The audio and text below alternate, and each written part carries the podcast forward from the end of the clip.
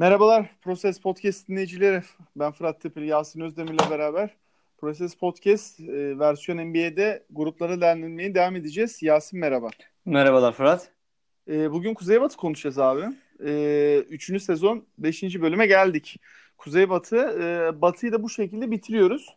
E, bir sonraki bölümde tahmin edeceğiniz gibi sadece Atlantik kalacak. Kuzeybatı'da bayağı aslında olaylı bir off-season oldu değil mi? Ee, ya evet kısmen e, takımların yani yine e, çok fazla değişim yaşanan yönetimsel manada da oyuncu manasında da önemli değişimler yaşandığı bir grup burası.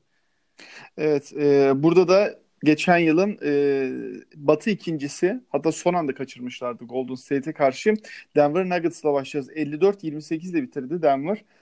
E, yazı da bence gayet iyi geçirdiler. E, Jeremy Grant'ı aldılar. Onlar için hem savunmada hem de e, alan açmada çok e, istikrarlı bir üç sayıcı değil ama e, evet ceza şutlarını kesebilecek kadar bir üç sayıya sahip artık. E, bir de drafttan bol bol aldılar. Diğer taraftan geçen sezon çok da faydalanamadılar. Isaiah Thomas, Trey Lyles gitti. Ben Michael Porter Jr.'ı geçen yılın draftını ki geçen yıl sakatlan dolayı oynamadı. Onu da e, bir katkı olarak, bir transfer olarak e, görüyorum. Onu da özellikle konuşmak isterim. Evet Denver'la başlayalım abi. Ee, şöyle sen dediğin gibi yani önemli bir rol oyuncusu aldılar. Jeremy Grant hani benim Sixers'taki dönemde de açıkçası biraz erken vazgeçildiğini düşündüğüm oyunculardan biriydi. Ee, Denver Nuggets genel olarak kadrosunu korudu ve hani e, ufak hamleler yaptı. Onun haricinde kadro olarak e, sıkıntılı bölge şu anda bir 3 numara pozisyonunda açıkçası gözüküyor. Yani net bir ismin orada ön plana çıkmaması ve e, mevcut isimlerin hepsinin bir e, defo yaratması. Örneğin mesela Will Barton oynuyordu ki e, playoff'ta bile Torrey Craig'e dönmüşlerdi e, savunma açısından. Şimdi Will Barton daha çok topla oynamayı isteyen bir oyuncu. Ama e, Jamal Murray ve Gary Harris'ten yiyor böyle bir durumda da. E, aynı zamanda sakatlanma ve istikrar e, problemleri ister istemez çıkıyor sakatlanınca. E, Tory Craig'i koyduğunuz zaman da biraz daha savunma ağırlıklı oluyor ama hücum katkısı istediğiniz gibi alamıyorsunuz. E, senin de bahsettiğin Michael Porter Jr.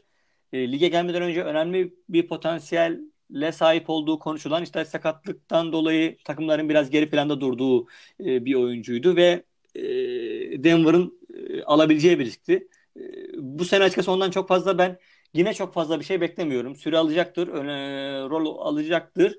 Ama hani e, şampiyonluğa giden bir takımın ilk 5-3 numarası olur mu dersen bu sene e, bunu diyemem ben.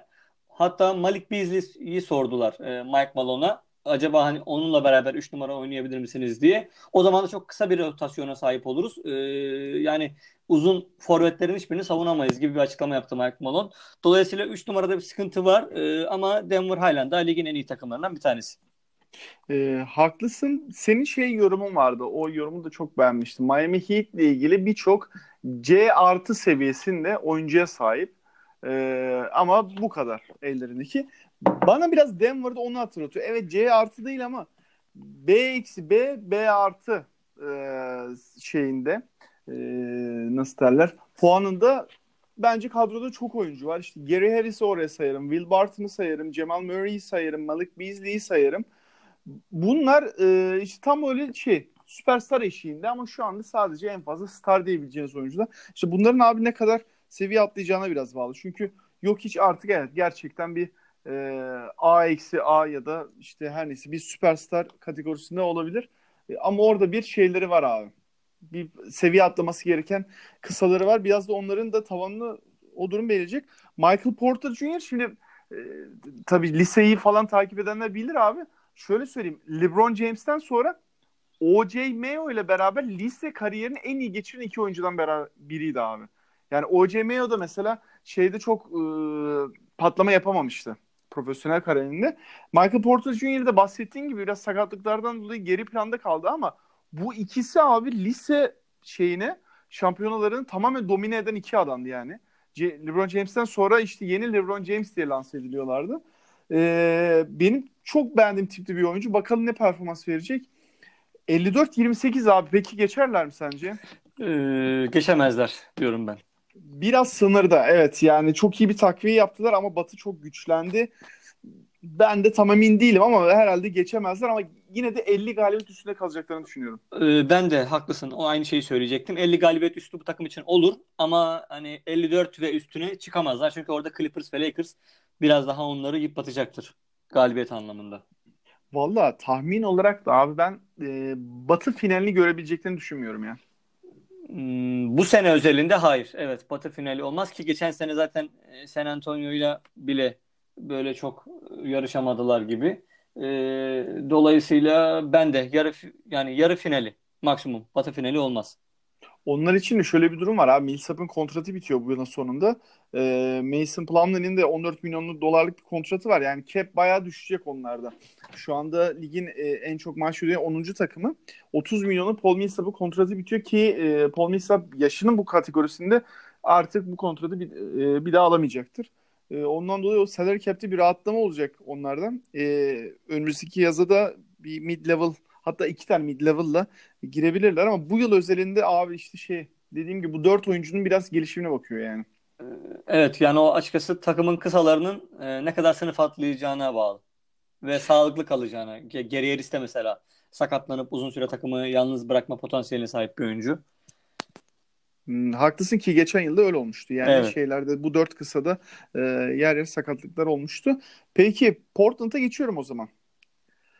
E, Portland 53-29 abi. Geçen yılı hemen Denver'dan sonra 3. bitirmişlerdi ki hatırla geçen yıl son düzlüğe girerken e, Batı'da bu hani galibiyet sayıları artık yarım maç e, farkları dönmüşken orada o Portland çok iyi geçirdi o döneme ve bir anda kendini üçüncülüğe kadar atabilmişlerdi ama e, bu yıl e, ne yapacaklarını düşünüyorsun? Ben e, gelenler gidenleri hemen sana söyleyeyim. Hasan Whiteside geldi, Kent Bazemore geldi.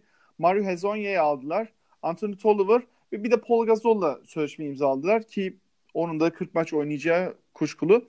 E, iki kanat oyuncusunu elden çıkardı. Mo Harkless, Alfarik Aminu gitti. E, Enes gitti ki playofflarda onlara iyi bir katkı sağlamıştı. Yine playofflarda katkı sağlayan Seth Curry ile yollar ayırdı. Onunla Dallas'la e, anlaştı. Jake Lyman gitti ve Myers Leonard gitti. Son bir not Rodney Hood'la da sözleşme yenilediler. Ee, şöyle söyleyeyim.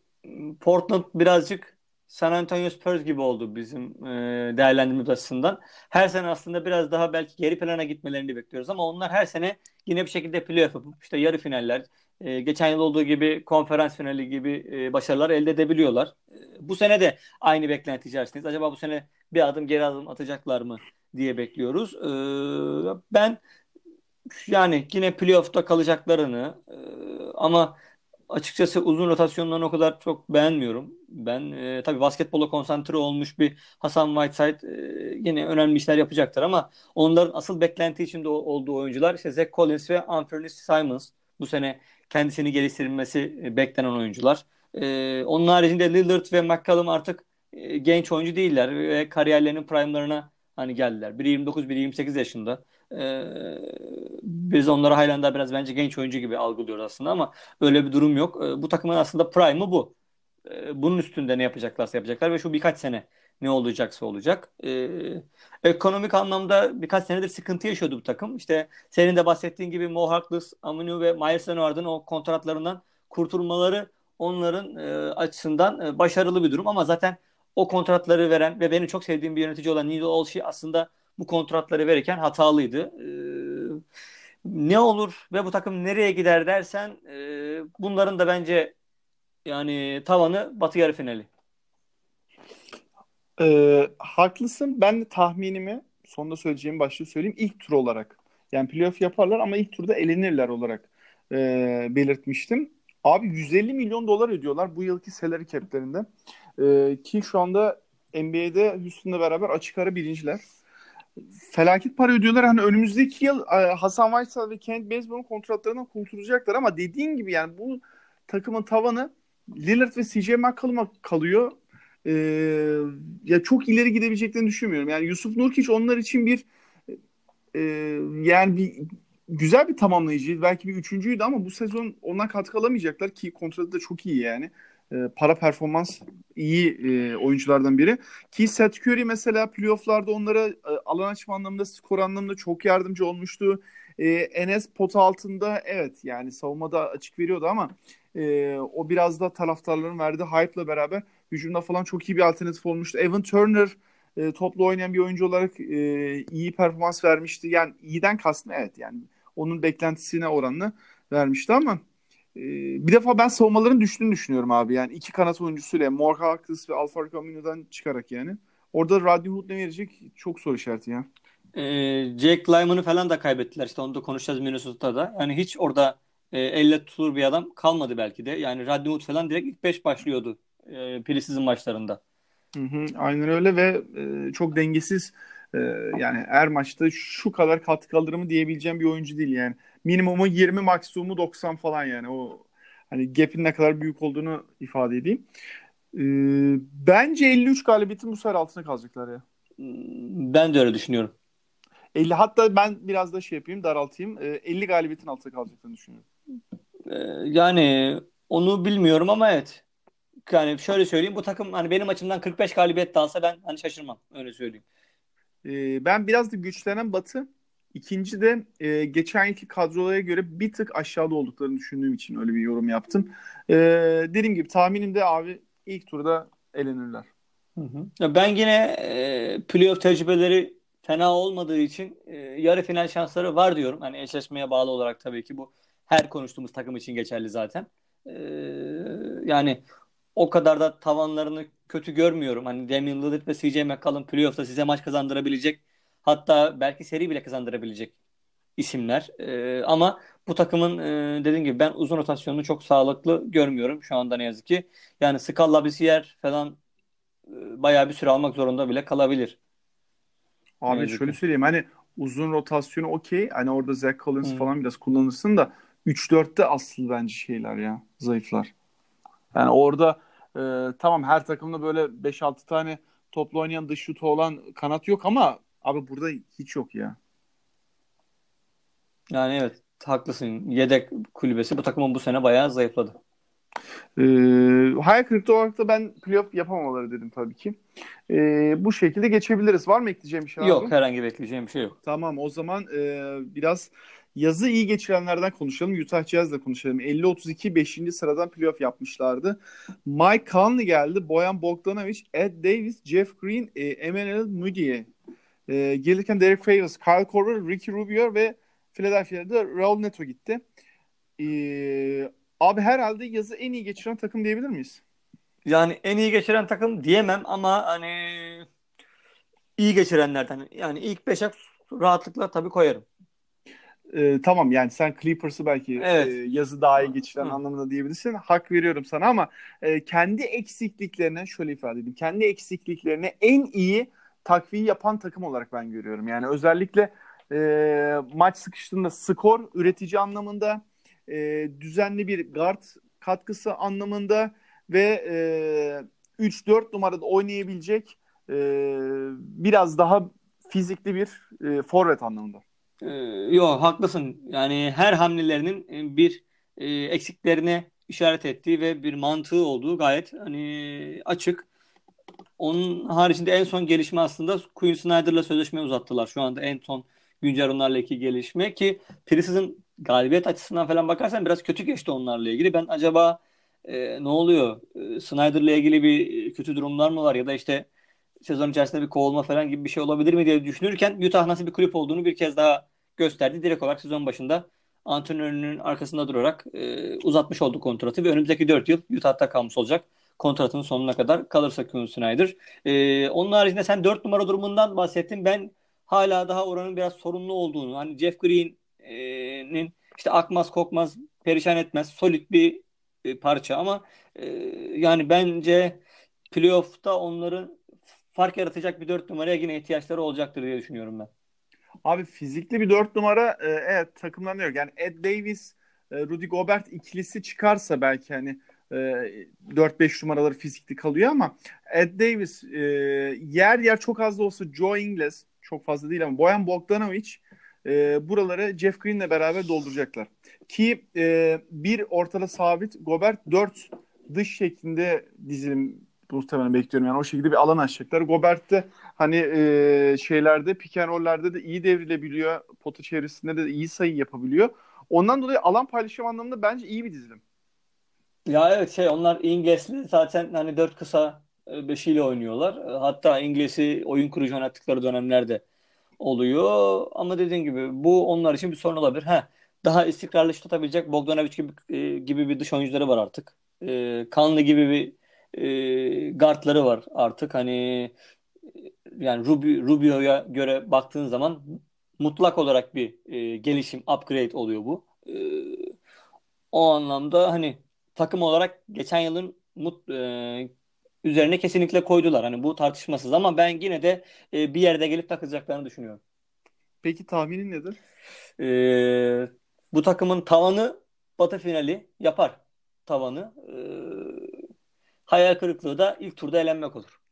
Peki şunu sorayım. Yani e, Batı şampiyon olamaz mı? E, yani Batı finali yapabilir diyorum. Bu ihtimal tabii ki var ama e, bence zayıf ihtimal öyle söyleyeyim. Abi şöyle bir tahminde bulunuyorum ben. Ee, Batı finaline iki takım çıkacak ya sonuçta. Hı hı. Ben buraya dört tane adayım var. Bu e, anlık performanslarla biraz belirleneceğini düşünüyorum. Yani çok denk e, takımlar bunlar. Clippers, Lakers, Utah, Houston. Ondan dolayı tahminim e, bu dört takımdan biri olacaklar ama yarı final mi, final mi hatta Batı şampiyonluğu onu kestirme gerçekten çok güç. Yani çok yani herkes bahsediyor çok e, denk güçlerin olduğu işte 7 tane 8 tane şampiyonluk adayının olduğu bir sezona giriyoruz diye. Evet abi yani burada özellikle Utah'ın seviyesinde şu anda ben 4 tane takımın olduğunu düşünüyorum. E, atıyorum Kawhi Leonard'ın bir bileğindeki bir ağrı. E, sıkıyorum Conley'nin iki maç oynamaması. işte bir şutun kenardan girmesi vesaire böyle küçük nüanslar işte burada biraz fark koyacak. Yani zaten evet bütün eşleşmelerde bu sakatlık durumu mesela her takımda e, geçerli. İşte mesela Kawhi Leonard'la Paul George e, sezon sonunda e, sağlıklı giremezlerse Clippers için hayal kırıklığı olan bir sezon bile yaşanabilir. Dolayısıyla bunun önü açık ve Utah buradan sıyrılabilir mi? Sıyrılabilir tabii gayet tabii ki. E, ben hayal kırıklığı olarak da ikinci tur ve aşağısını hayal kırıklığı olarak görüyorum abi. Ee, yani Utah'ın bura, buralarda elememesi lazım. Yo yani ben ben ikinci turda elenmelerini hayal kırıklığı olarak görmem açıkçası. Yani karşılarına sağlam bir takım, sağlıklı bir takım çıkarsa bu benim için hayal kırıklığı olmaz. Ha, evet Utah'ı daha iyi yerlerde görmek istiyoruz tabii ki bir basketbol sever olarak ama benim açımdan hayal kırıklığı ilk turda elenmeleri olur. Yani ben şöyle düşünüyorum. Conley, Gobert, e, Boyan bu üçü çok e, kısmen de Joe Ingles'ı sayarım. E, playofflarda aklı başında oynayabilecek oyuncular. Yani bir e, Malcolm Brogdon tarzında biraz da hani oyuna iyi fokus olabilen, e, doğru karar verebilen oyuncular. Ben ondan dolayı hani playofflarda e, daha ayakta kalabileceklerini düşünüyorum. Ondan dolayı abi ikinci turu aşağısı benim için ayak kırıklığı. Yani Utah biraz daha e, basketbol IQ'su yüksek e, bir kadro kurabildi ilk beşi anlamında söylüyorum ki Donovan Mitchell zaten bunun en başına hani onu atladım saymayı. E, direkt o noktadayım. Peki göreceğiz sezon sonunda bakalım. Şöyle söyleyeyim yani ben de bu takım yani Utah'ın şu anki kadrosu işte Deron Williams, Carlos Boozer, Mehmet Okurlu, Kirlenkolu takımdan beri yani en iyi kadro bu herhalde gördüğümüz. Aynen. Tabii tabii tabii. tabii. Dolayısıyla Aynen. onların da bu tarz bir kadroyu yakalamışken gidebildikleri yere kadar gitmesi lazım. Ee, Conley'nin normal sözleşmesinin bu yıl sonu e, seneye şey var oyuncu opsiyonu var ki muhtemelen kabul edecektir. Bu yaşta 34 milyon dolarlık oyuncu opsiyonunu kabul etme gibi ihtimalin olduğunu düşünmüyorum ama e, kadroları sabit kalacak gibi duruyor. Bir takas vesaire olmazsa önümüzdeki yılda devam eden kontratlar var çünkü.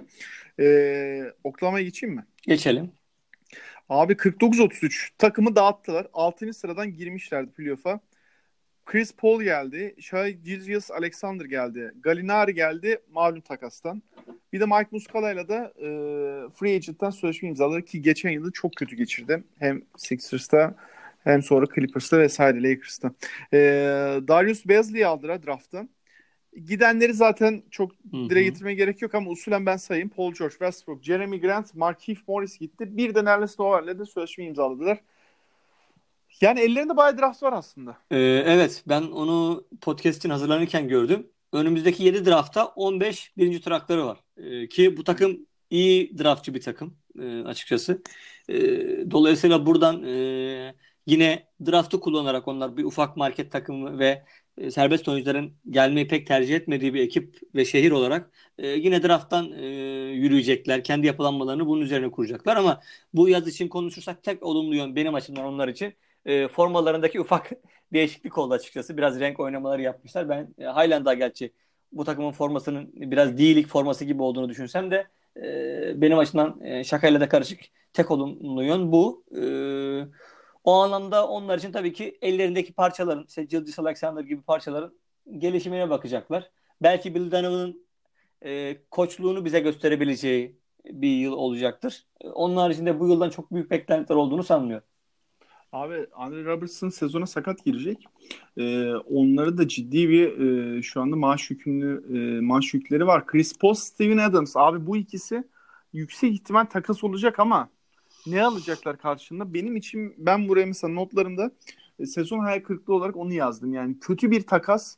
E, gerçi burada da şöyle bir durum var. Bunu e, fikrini merak ediyorum. Şimdi Chris Paul 38 milyon dolar alıyor. Steven Adams 25 alıyor. Salary cap'lerini boşaltmak için biraz daha geleceğe e, genç oyuncular draftlar alabilmek için elden çıkarmak istiyorlar ama bu kontratlar da zor kontratlar abi. Zaten e, çok fazla takıma bu takasa giremiyorsun. Yani girdiğinde de yani burada şey mantığı olabilir. Yani abi bu topun altına giriyorum. Bu kadar parayı yükümlülüğünü alıyorum. Artık karşında benden draft hakkı vesaire e, işte gelecek vadeden oyuncu bekleme bağlamında bir karşılık da alabilirler. İşte orada nasıl yönetecekler biraz o merak konusu. Ee, mesela şu an aklıma geldi. Steven Adams Portland'da çok iyi olur mesela. Direkt olarak o takıma seviye atlatırdı. Ee, olur ama e, tabii orada şey yok abi. E, şu eşleşebileceği an, bir seller cap e, şey Tabii onlar da bu e, şey aminoları falan gönderdikleri için ellerinde şu an e, satabilecekleri kontrat kalmadı o anlamda.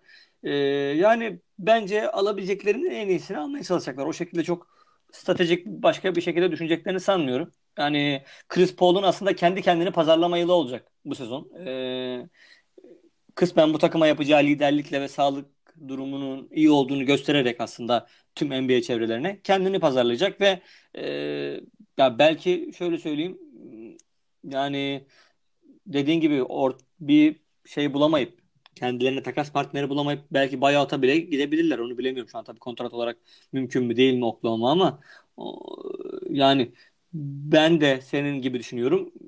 Her ikisi de takaslanması zor oyuncular bunlar.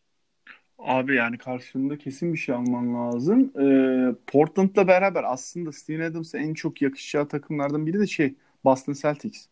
Ee, ama işte şey abi yok.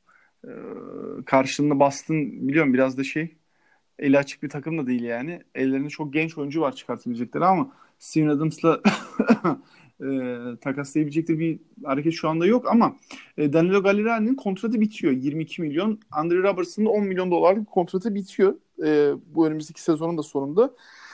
E, yani gelecekleri parlak ki hatırla şeyde e, Paul George takasında da bayağı alabilecekleri şey aldılar aslında.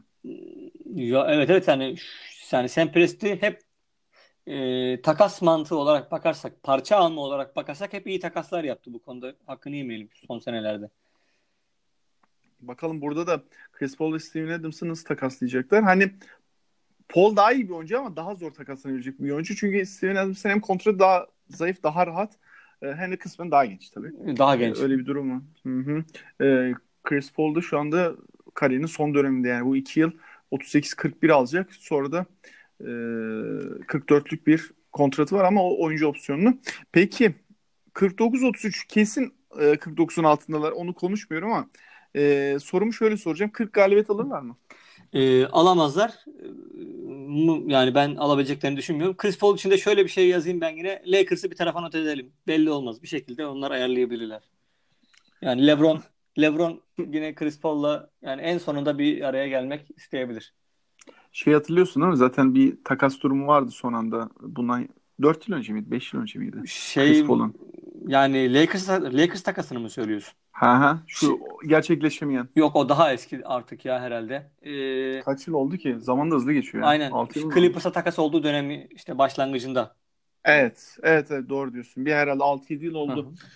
Ee, peki. Ben de 30 küsürlü bir galibiyetlerde kalabileceğini düşünüyorum. Yani 49-33 bunun tersi olabilir abi. E, tahminde zaten playoff yapamaz olarak söyledik. E, bir hayal kırıklığı var mı bu takımın şu an için? Yani benim açımdan 35 galibiyet ve üstü bu takım için sürpriz olur. E, onun haricinde hayal kırıklığı ne olur dersen bu takasları kötü yönetmeleri olur ve oyuncuların gelişmemesi olur. Onun haricinde büyük bir hani yani şu hedefi de elde edemediler e, ve e, başarısız kaldılar diyebileceğim bir hedef yok açıkçası. Hani tabii 20 galibiyetin altına düşerlerse tabii rezalet olur ama onun haricinde bu takımın bu sene basketbol olarak hayal kırıklığı yaşayacağı bir şey yok bence. Aynen ama oralara düşeceklerini zannetmiyorum. Geçen Danilo Gallinari kariyerinin en iyi yıllarından birini geçirmiş. İyi bir sezon geçirdi. Darius Bazley e, iyi bir draft demeyeceğim ama e, dengeli bir oyuncu. Yani spesifik çok iyi yaptığı ya da çok açık verdiği bir nokta yok. E, ama biraz daha böyle hem skorunu hem de top paylaşımı daha böyle e, şeyde hızlı hücumda e, daha iyi kullanabilecek bir oyuncu. E, biraz Gilgis Alexander da hızlı hücum seven bir guard. Bakalım yani çok bir şey beklemiyoruz ama izlemesi de açıkçası çok da zevkli bir takım değil şu haliyle tabii. Yani kısmen işte Chris Paul'a sempati duyan insanlar izler öyle söyleyeyim şu anda. O da işte Chris Paul 60 maç çıkartacak mı o da bir muamma tabii de. Ee, çıkartamayabilir. Minnesota'ya geçiyorum abi. Evet. 30 takımın içinde ee, tabii bu kişisel görüşüm kimseyi bağlamaz ya. Ee, en böyle şey negatif baktığım değil. Yanlış bir kelime de kullanmak istemiyorum ama takım herhalde benim için Minnesota abi. Bu kadar e, kötü yönetilen ve arada sıkışmış bir takım abi. E, belki bunda biraz Andre Wiggins'tan da kaynaklı olabilir. Bilmiyorum. Ama bu yazda çok da bir şey yapmadılar. Yani boş bir yazdı. E, Trevin Graham, Jake Lyman, Shabazz Napier, Noah Wallen, e, Jordan Bell, e, Jared Culver'ı 6. sıradan onu seçtiler. E, Taj Gibson gitti abi. Tyce Jones gitti. Cameron Reynolds gitti. Derrick Rose gitti ki geçen yılın toz pembe bir sen- senaryosuydu. Darius Saric gitti Phoenix'e. E, Sixers'tan almışlardı geçen yılın başında. Anthony Tolliver takımdan ayrıldı. Ne bekliyorsun abi Minnesota'dan? Şöyle senin dediğin bütün eleştirilere ben katılıyorum ki onlar da bu kötü yönetilme durumunu bilerek e, müthiş bir yönetim değişimi yaptılar açıkçası. Benim o anlamda bu sene ilgiyle izleyeceğim takımlardan bir tanesi o anlamda. Senin aksine bunu söyleyebilirim. Yani onlar D'Angelo Russell'ı kovaladılar bu yazın. E, olmayınca direkt olarak işte basit biraz daha şey gibi New York Knicks'in yaptığı hamleler gibi oldu aslında. Büyük parçaları kovalayıp alamayınca biz hiç büyük kontratlar vermeyelim başka. Ufak parçalarla yola devam edelim dediler. E, ki D'Angelo Russell'ın birkaç gün önce yine bir açıklamasını okumuştum. Biz işte Carl Anthony Towns ve Devin Booker'la mutlaka bir gün bir arada oynayacağız diye. Bu senaryoda bence halen de e, elimizin altında bir yerde dursun. E, yeni yönetimde şöyle Gerson Russell'ı aldılar mesela. E, bu analitikçilerin çok sevdiği bir isimdir. İşte Houston Rockets yönetiminden e, geldi zaten Daryl Morey'nin e, yetiştirdiği bir isim diyebiliriz. E, o anlamda Sixers'ın eski GM'iydi. Sachin Gupta senin, seninki döneminde.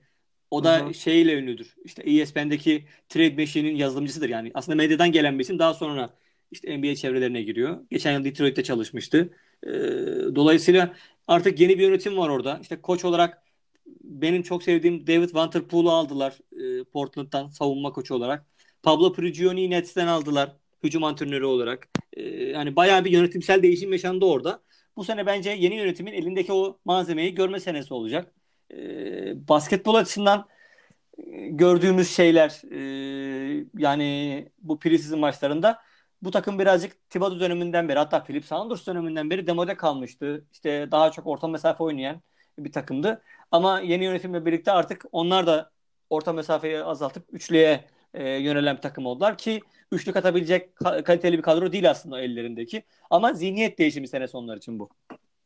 Abi çok zayıf kadro ya. Kağıt üzerinde baktığında yani burada e, zaten e, salary cap'e baktığımızda Andrew Wiggins'in kontrattan çıkmadıkça çıkmadıkça abi ki yani o kontrat da hangi kafayla yapıldı o da ayrı konu ya.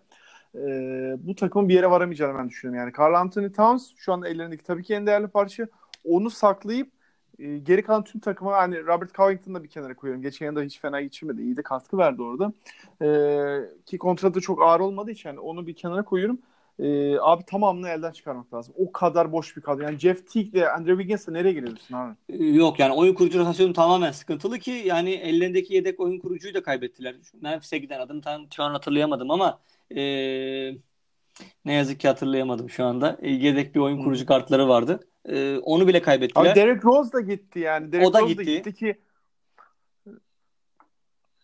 Şabaz Napier'i aldılar falan. Yani dolayısıyla e, oyun kurucu rotasyonu bayağı sıkıntılı. Jeff Teague de sakatlanırsa ne yapacaklar bilemiyoruz tabii. E, Robert Covington zaten sağlıklı olduğu zaman e, her takımın savunmasını birkaç gömlek üst seviyeye çıkartabilecek bir oyuncu.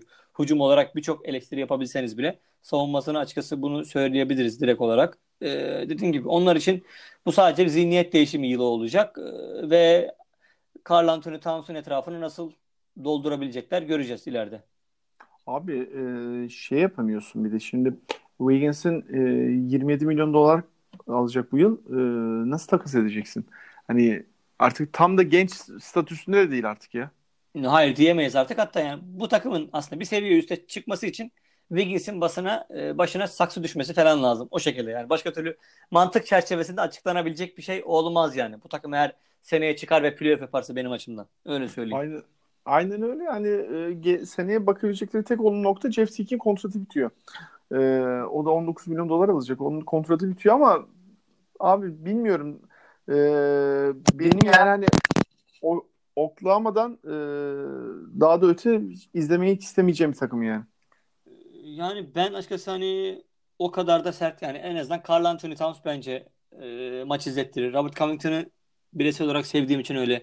E, Jared Culver benim hani merak ettiğim çaylaklardan bir tanesi. Hani o kadar da kötü olduklarını söyleyemem ama şöyle söyleyeyim. Yani Jordan Bell oynarsa Noah Vonleh'un oynarsa böyle fazla süreler kapatabilirim yani direkt televizyonu. O da yani Carl Anthony Towns da geçen yıl maç kaçırdığı oldu. E, hatırlarsın sezon başını e, özellikle.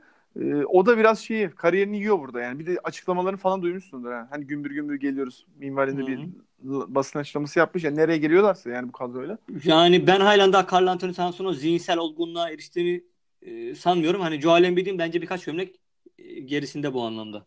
Bayağı gerisinde abi. Ki Joel Embiid üstüne koya koya gidiyor her yıl. E, geçen yılki playofflarda da gördük yani. Hani önceki yıllara göre bir tık daha üstüne koymuştu ki bu yıl işte hani Sixers programında konuşacağız detaylı. Daha da üstüne koyulmuş gibi görünüyor. Ee, inşallah Carl Anthony Towns da koymuştur. Çünkü yetenek olarak Embiid'in aslında çok altına değil yani. Hatta iyi olduğu çok şey var. Yani o topla ondan çok çok daha yetenekli. Yani mesela Embiid topu aldığı zaman 7-0 boyunda işte bir e, guard etkisi almıyorsun. E, Öyle izlenim almıyorsun ama Carl Anthony Towns'ta o izlenim var açıkçası öyle söyleyeyim. Topla çok daha akıcı. Abi yani 36-46 bitirmişlerdi geçen yıl. 11. sırada bitirmişlerdi. Bu sezon yani aynı şeyle bitirseler çok şaşırmam ya. Ben de yani şöyle söyleyeyim. Onlar için 40 galibiyet müthiş başarılı olur öyle söyleyeyim. 35-40 arası bir yerde bitirmeleri bence normal. Abi herhangi bir hayal kırıklığım yok bu takımla ilgili yaşanabilecek. Ee, tahminim de playoff yapamazlar şeklinde yani. Yapamazlar. Evet. Ee, var mı abi ekleyeceğim bir şey? Vallahi grupta bitirdik. Hızlı hızlı aktı. Aynen. Ee, artık Atlanti yapabilecek miyiz Fırat Bey bilmiyorum ama onu göreceğiz artık ileriki günlerde. Evet. Ee, e, e, Atlantik'i sona bıraktık. Biraz tersten gittik bu yıl. Normalde e, her programda, her NBA içerikli programda değerlendirmede Atlantik'le başlanır doğal olarak alfabetik. E, biz Atlantik'i sona bıraktık. E, bugün de Denver, Portland, Utah, Oklahoma, Minnesota sıralamasıyla takımları inceledik. E, Yasin teşekkür ederim. ben teşekkür ederim sana. Peki, e, ben Fırat Tepeli, Yasin Özdemir'le beraber Proses Podcast versiyon NBA'de e, Kuzey Batı konuştuk. Atlantik programında görüşmek üzere. Hoşçakalın. Hoşça kalın.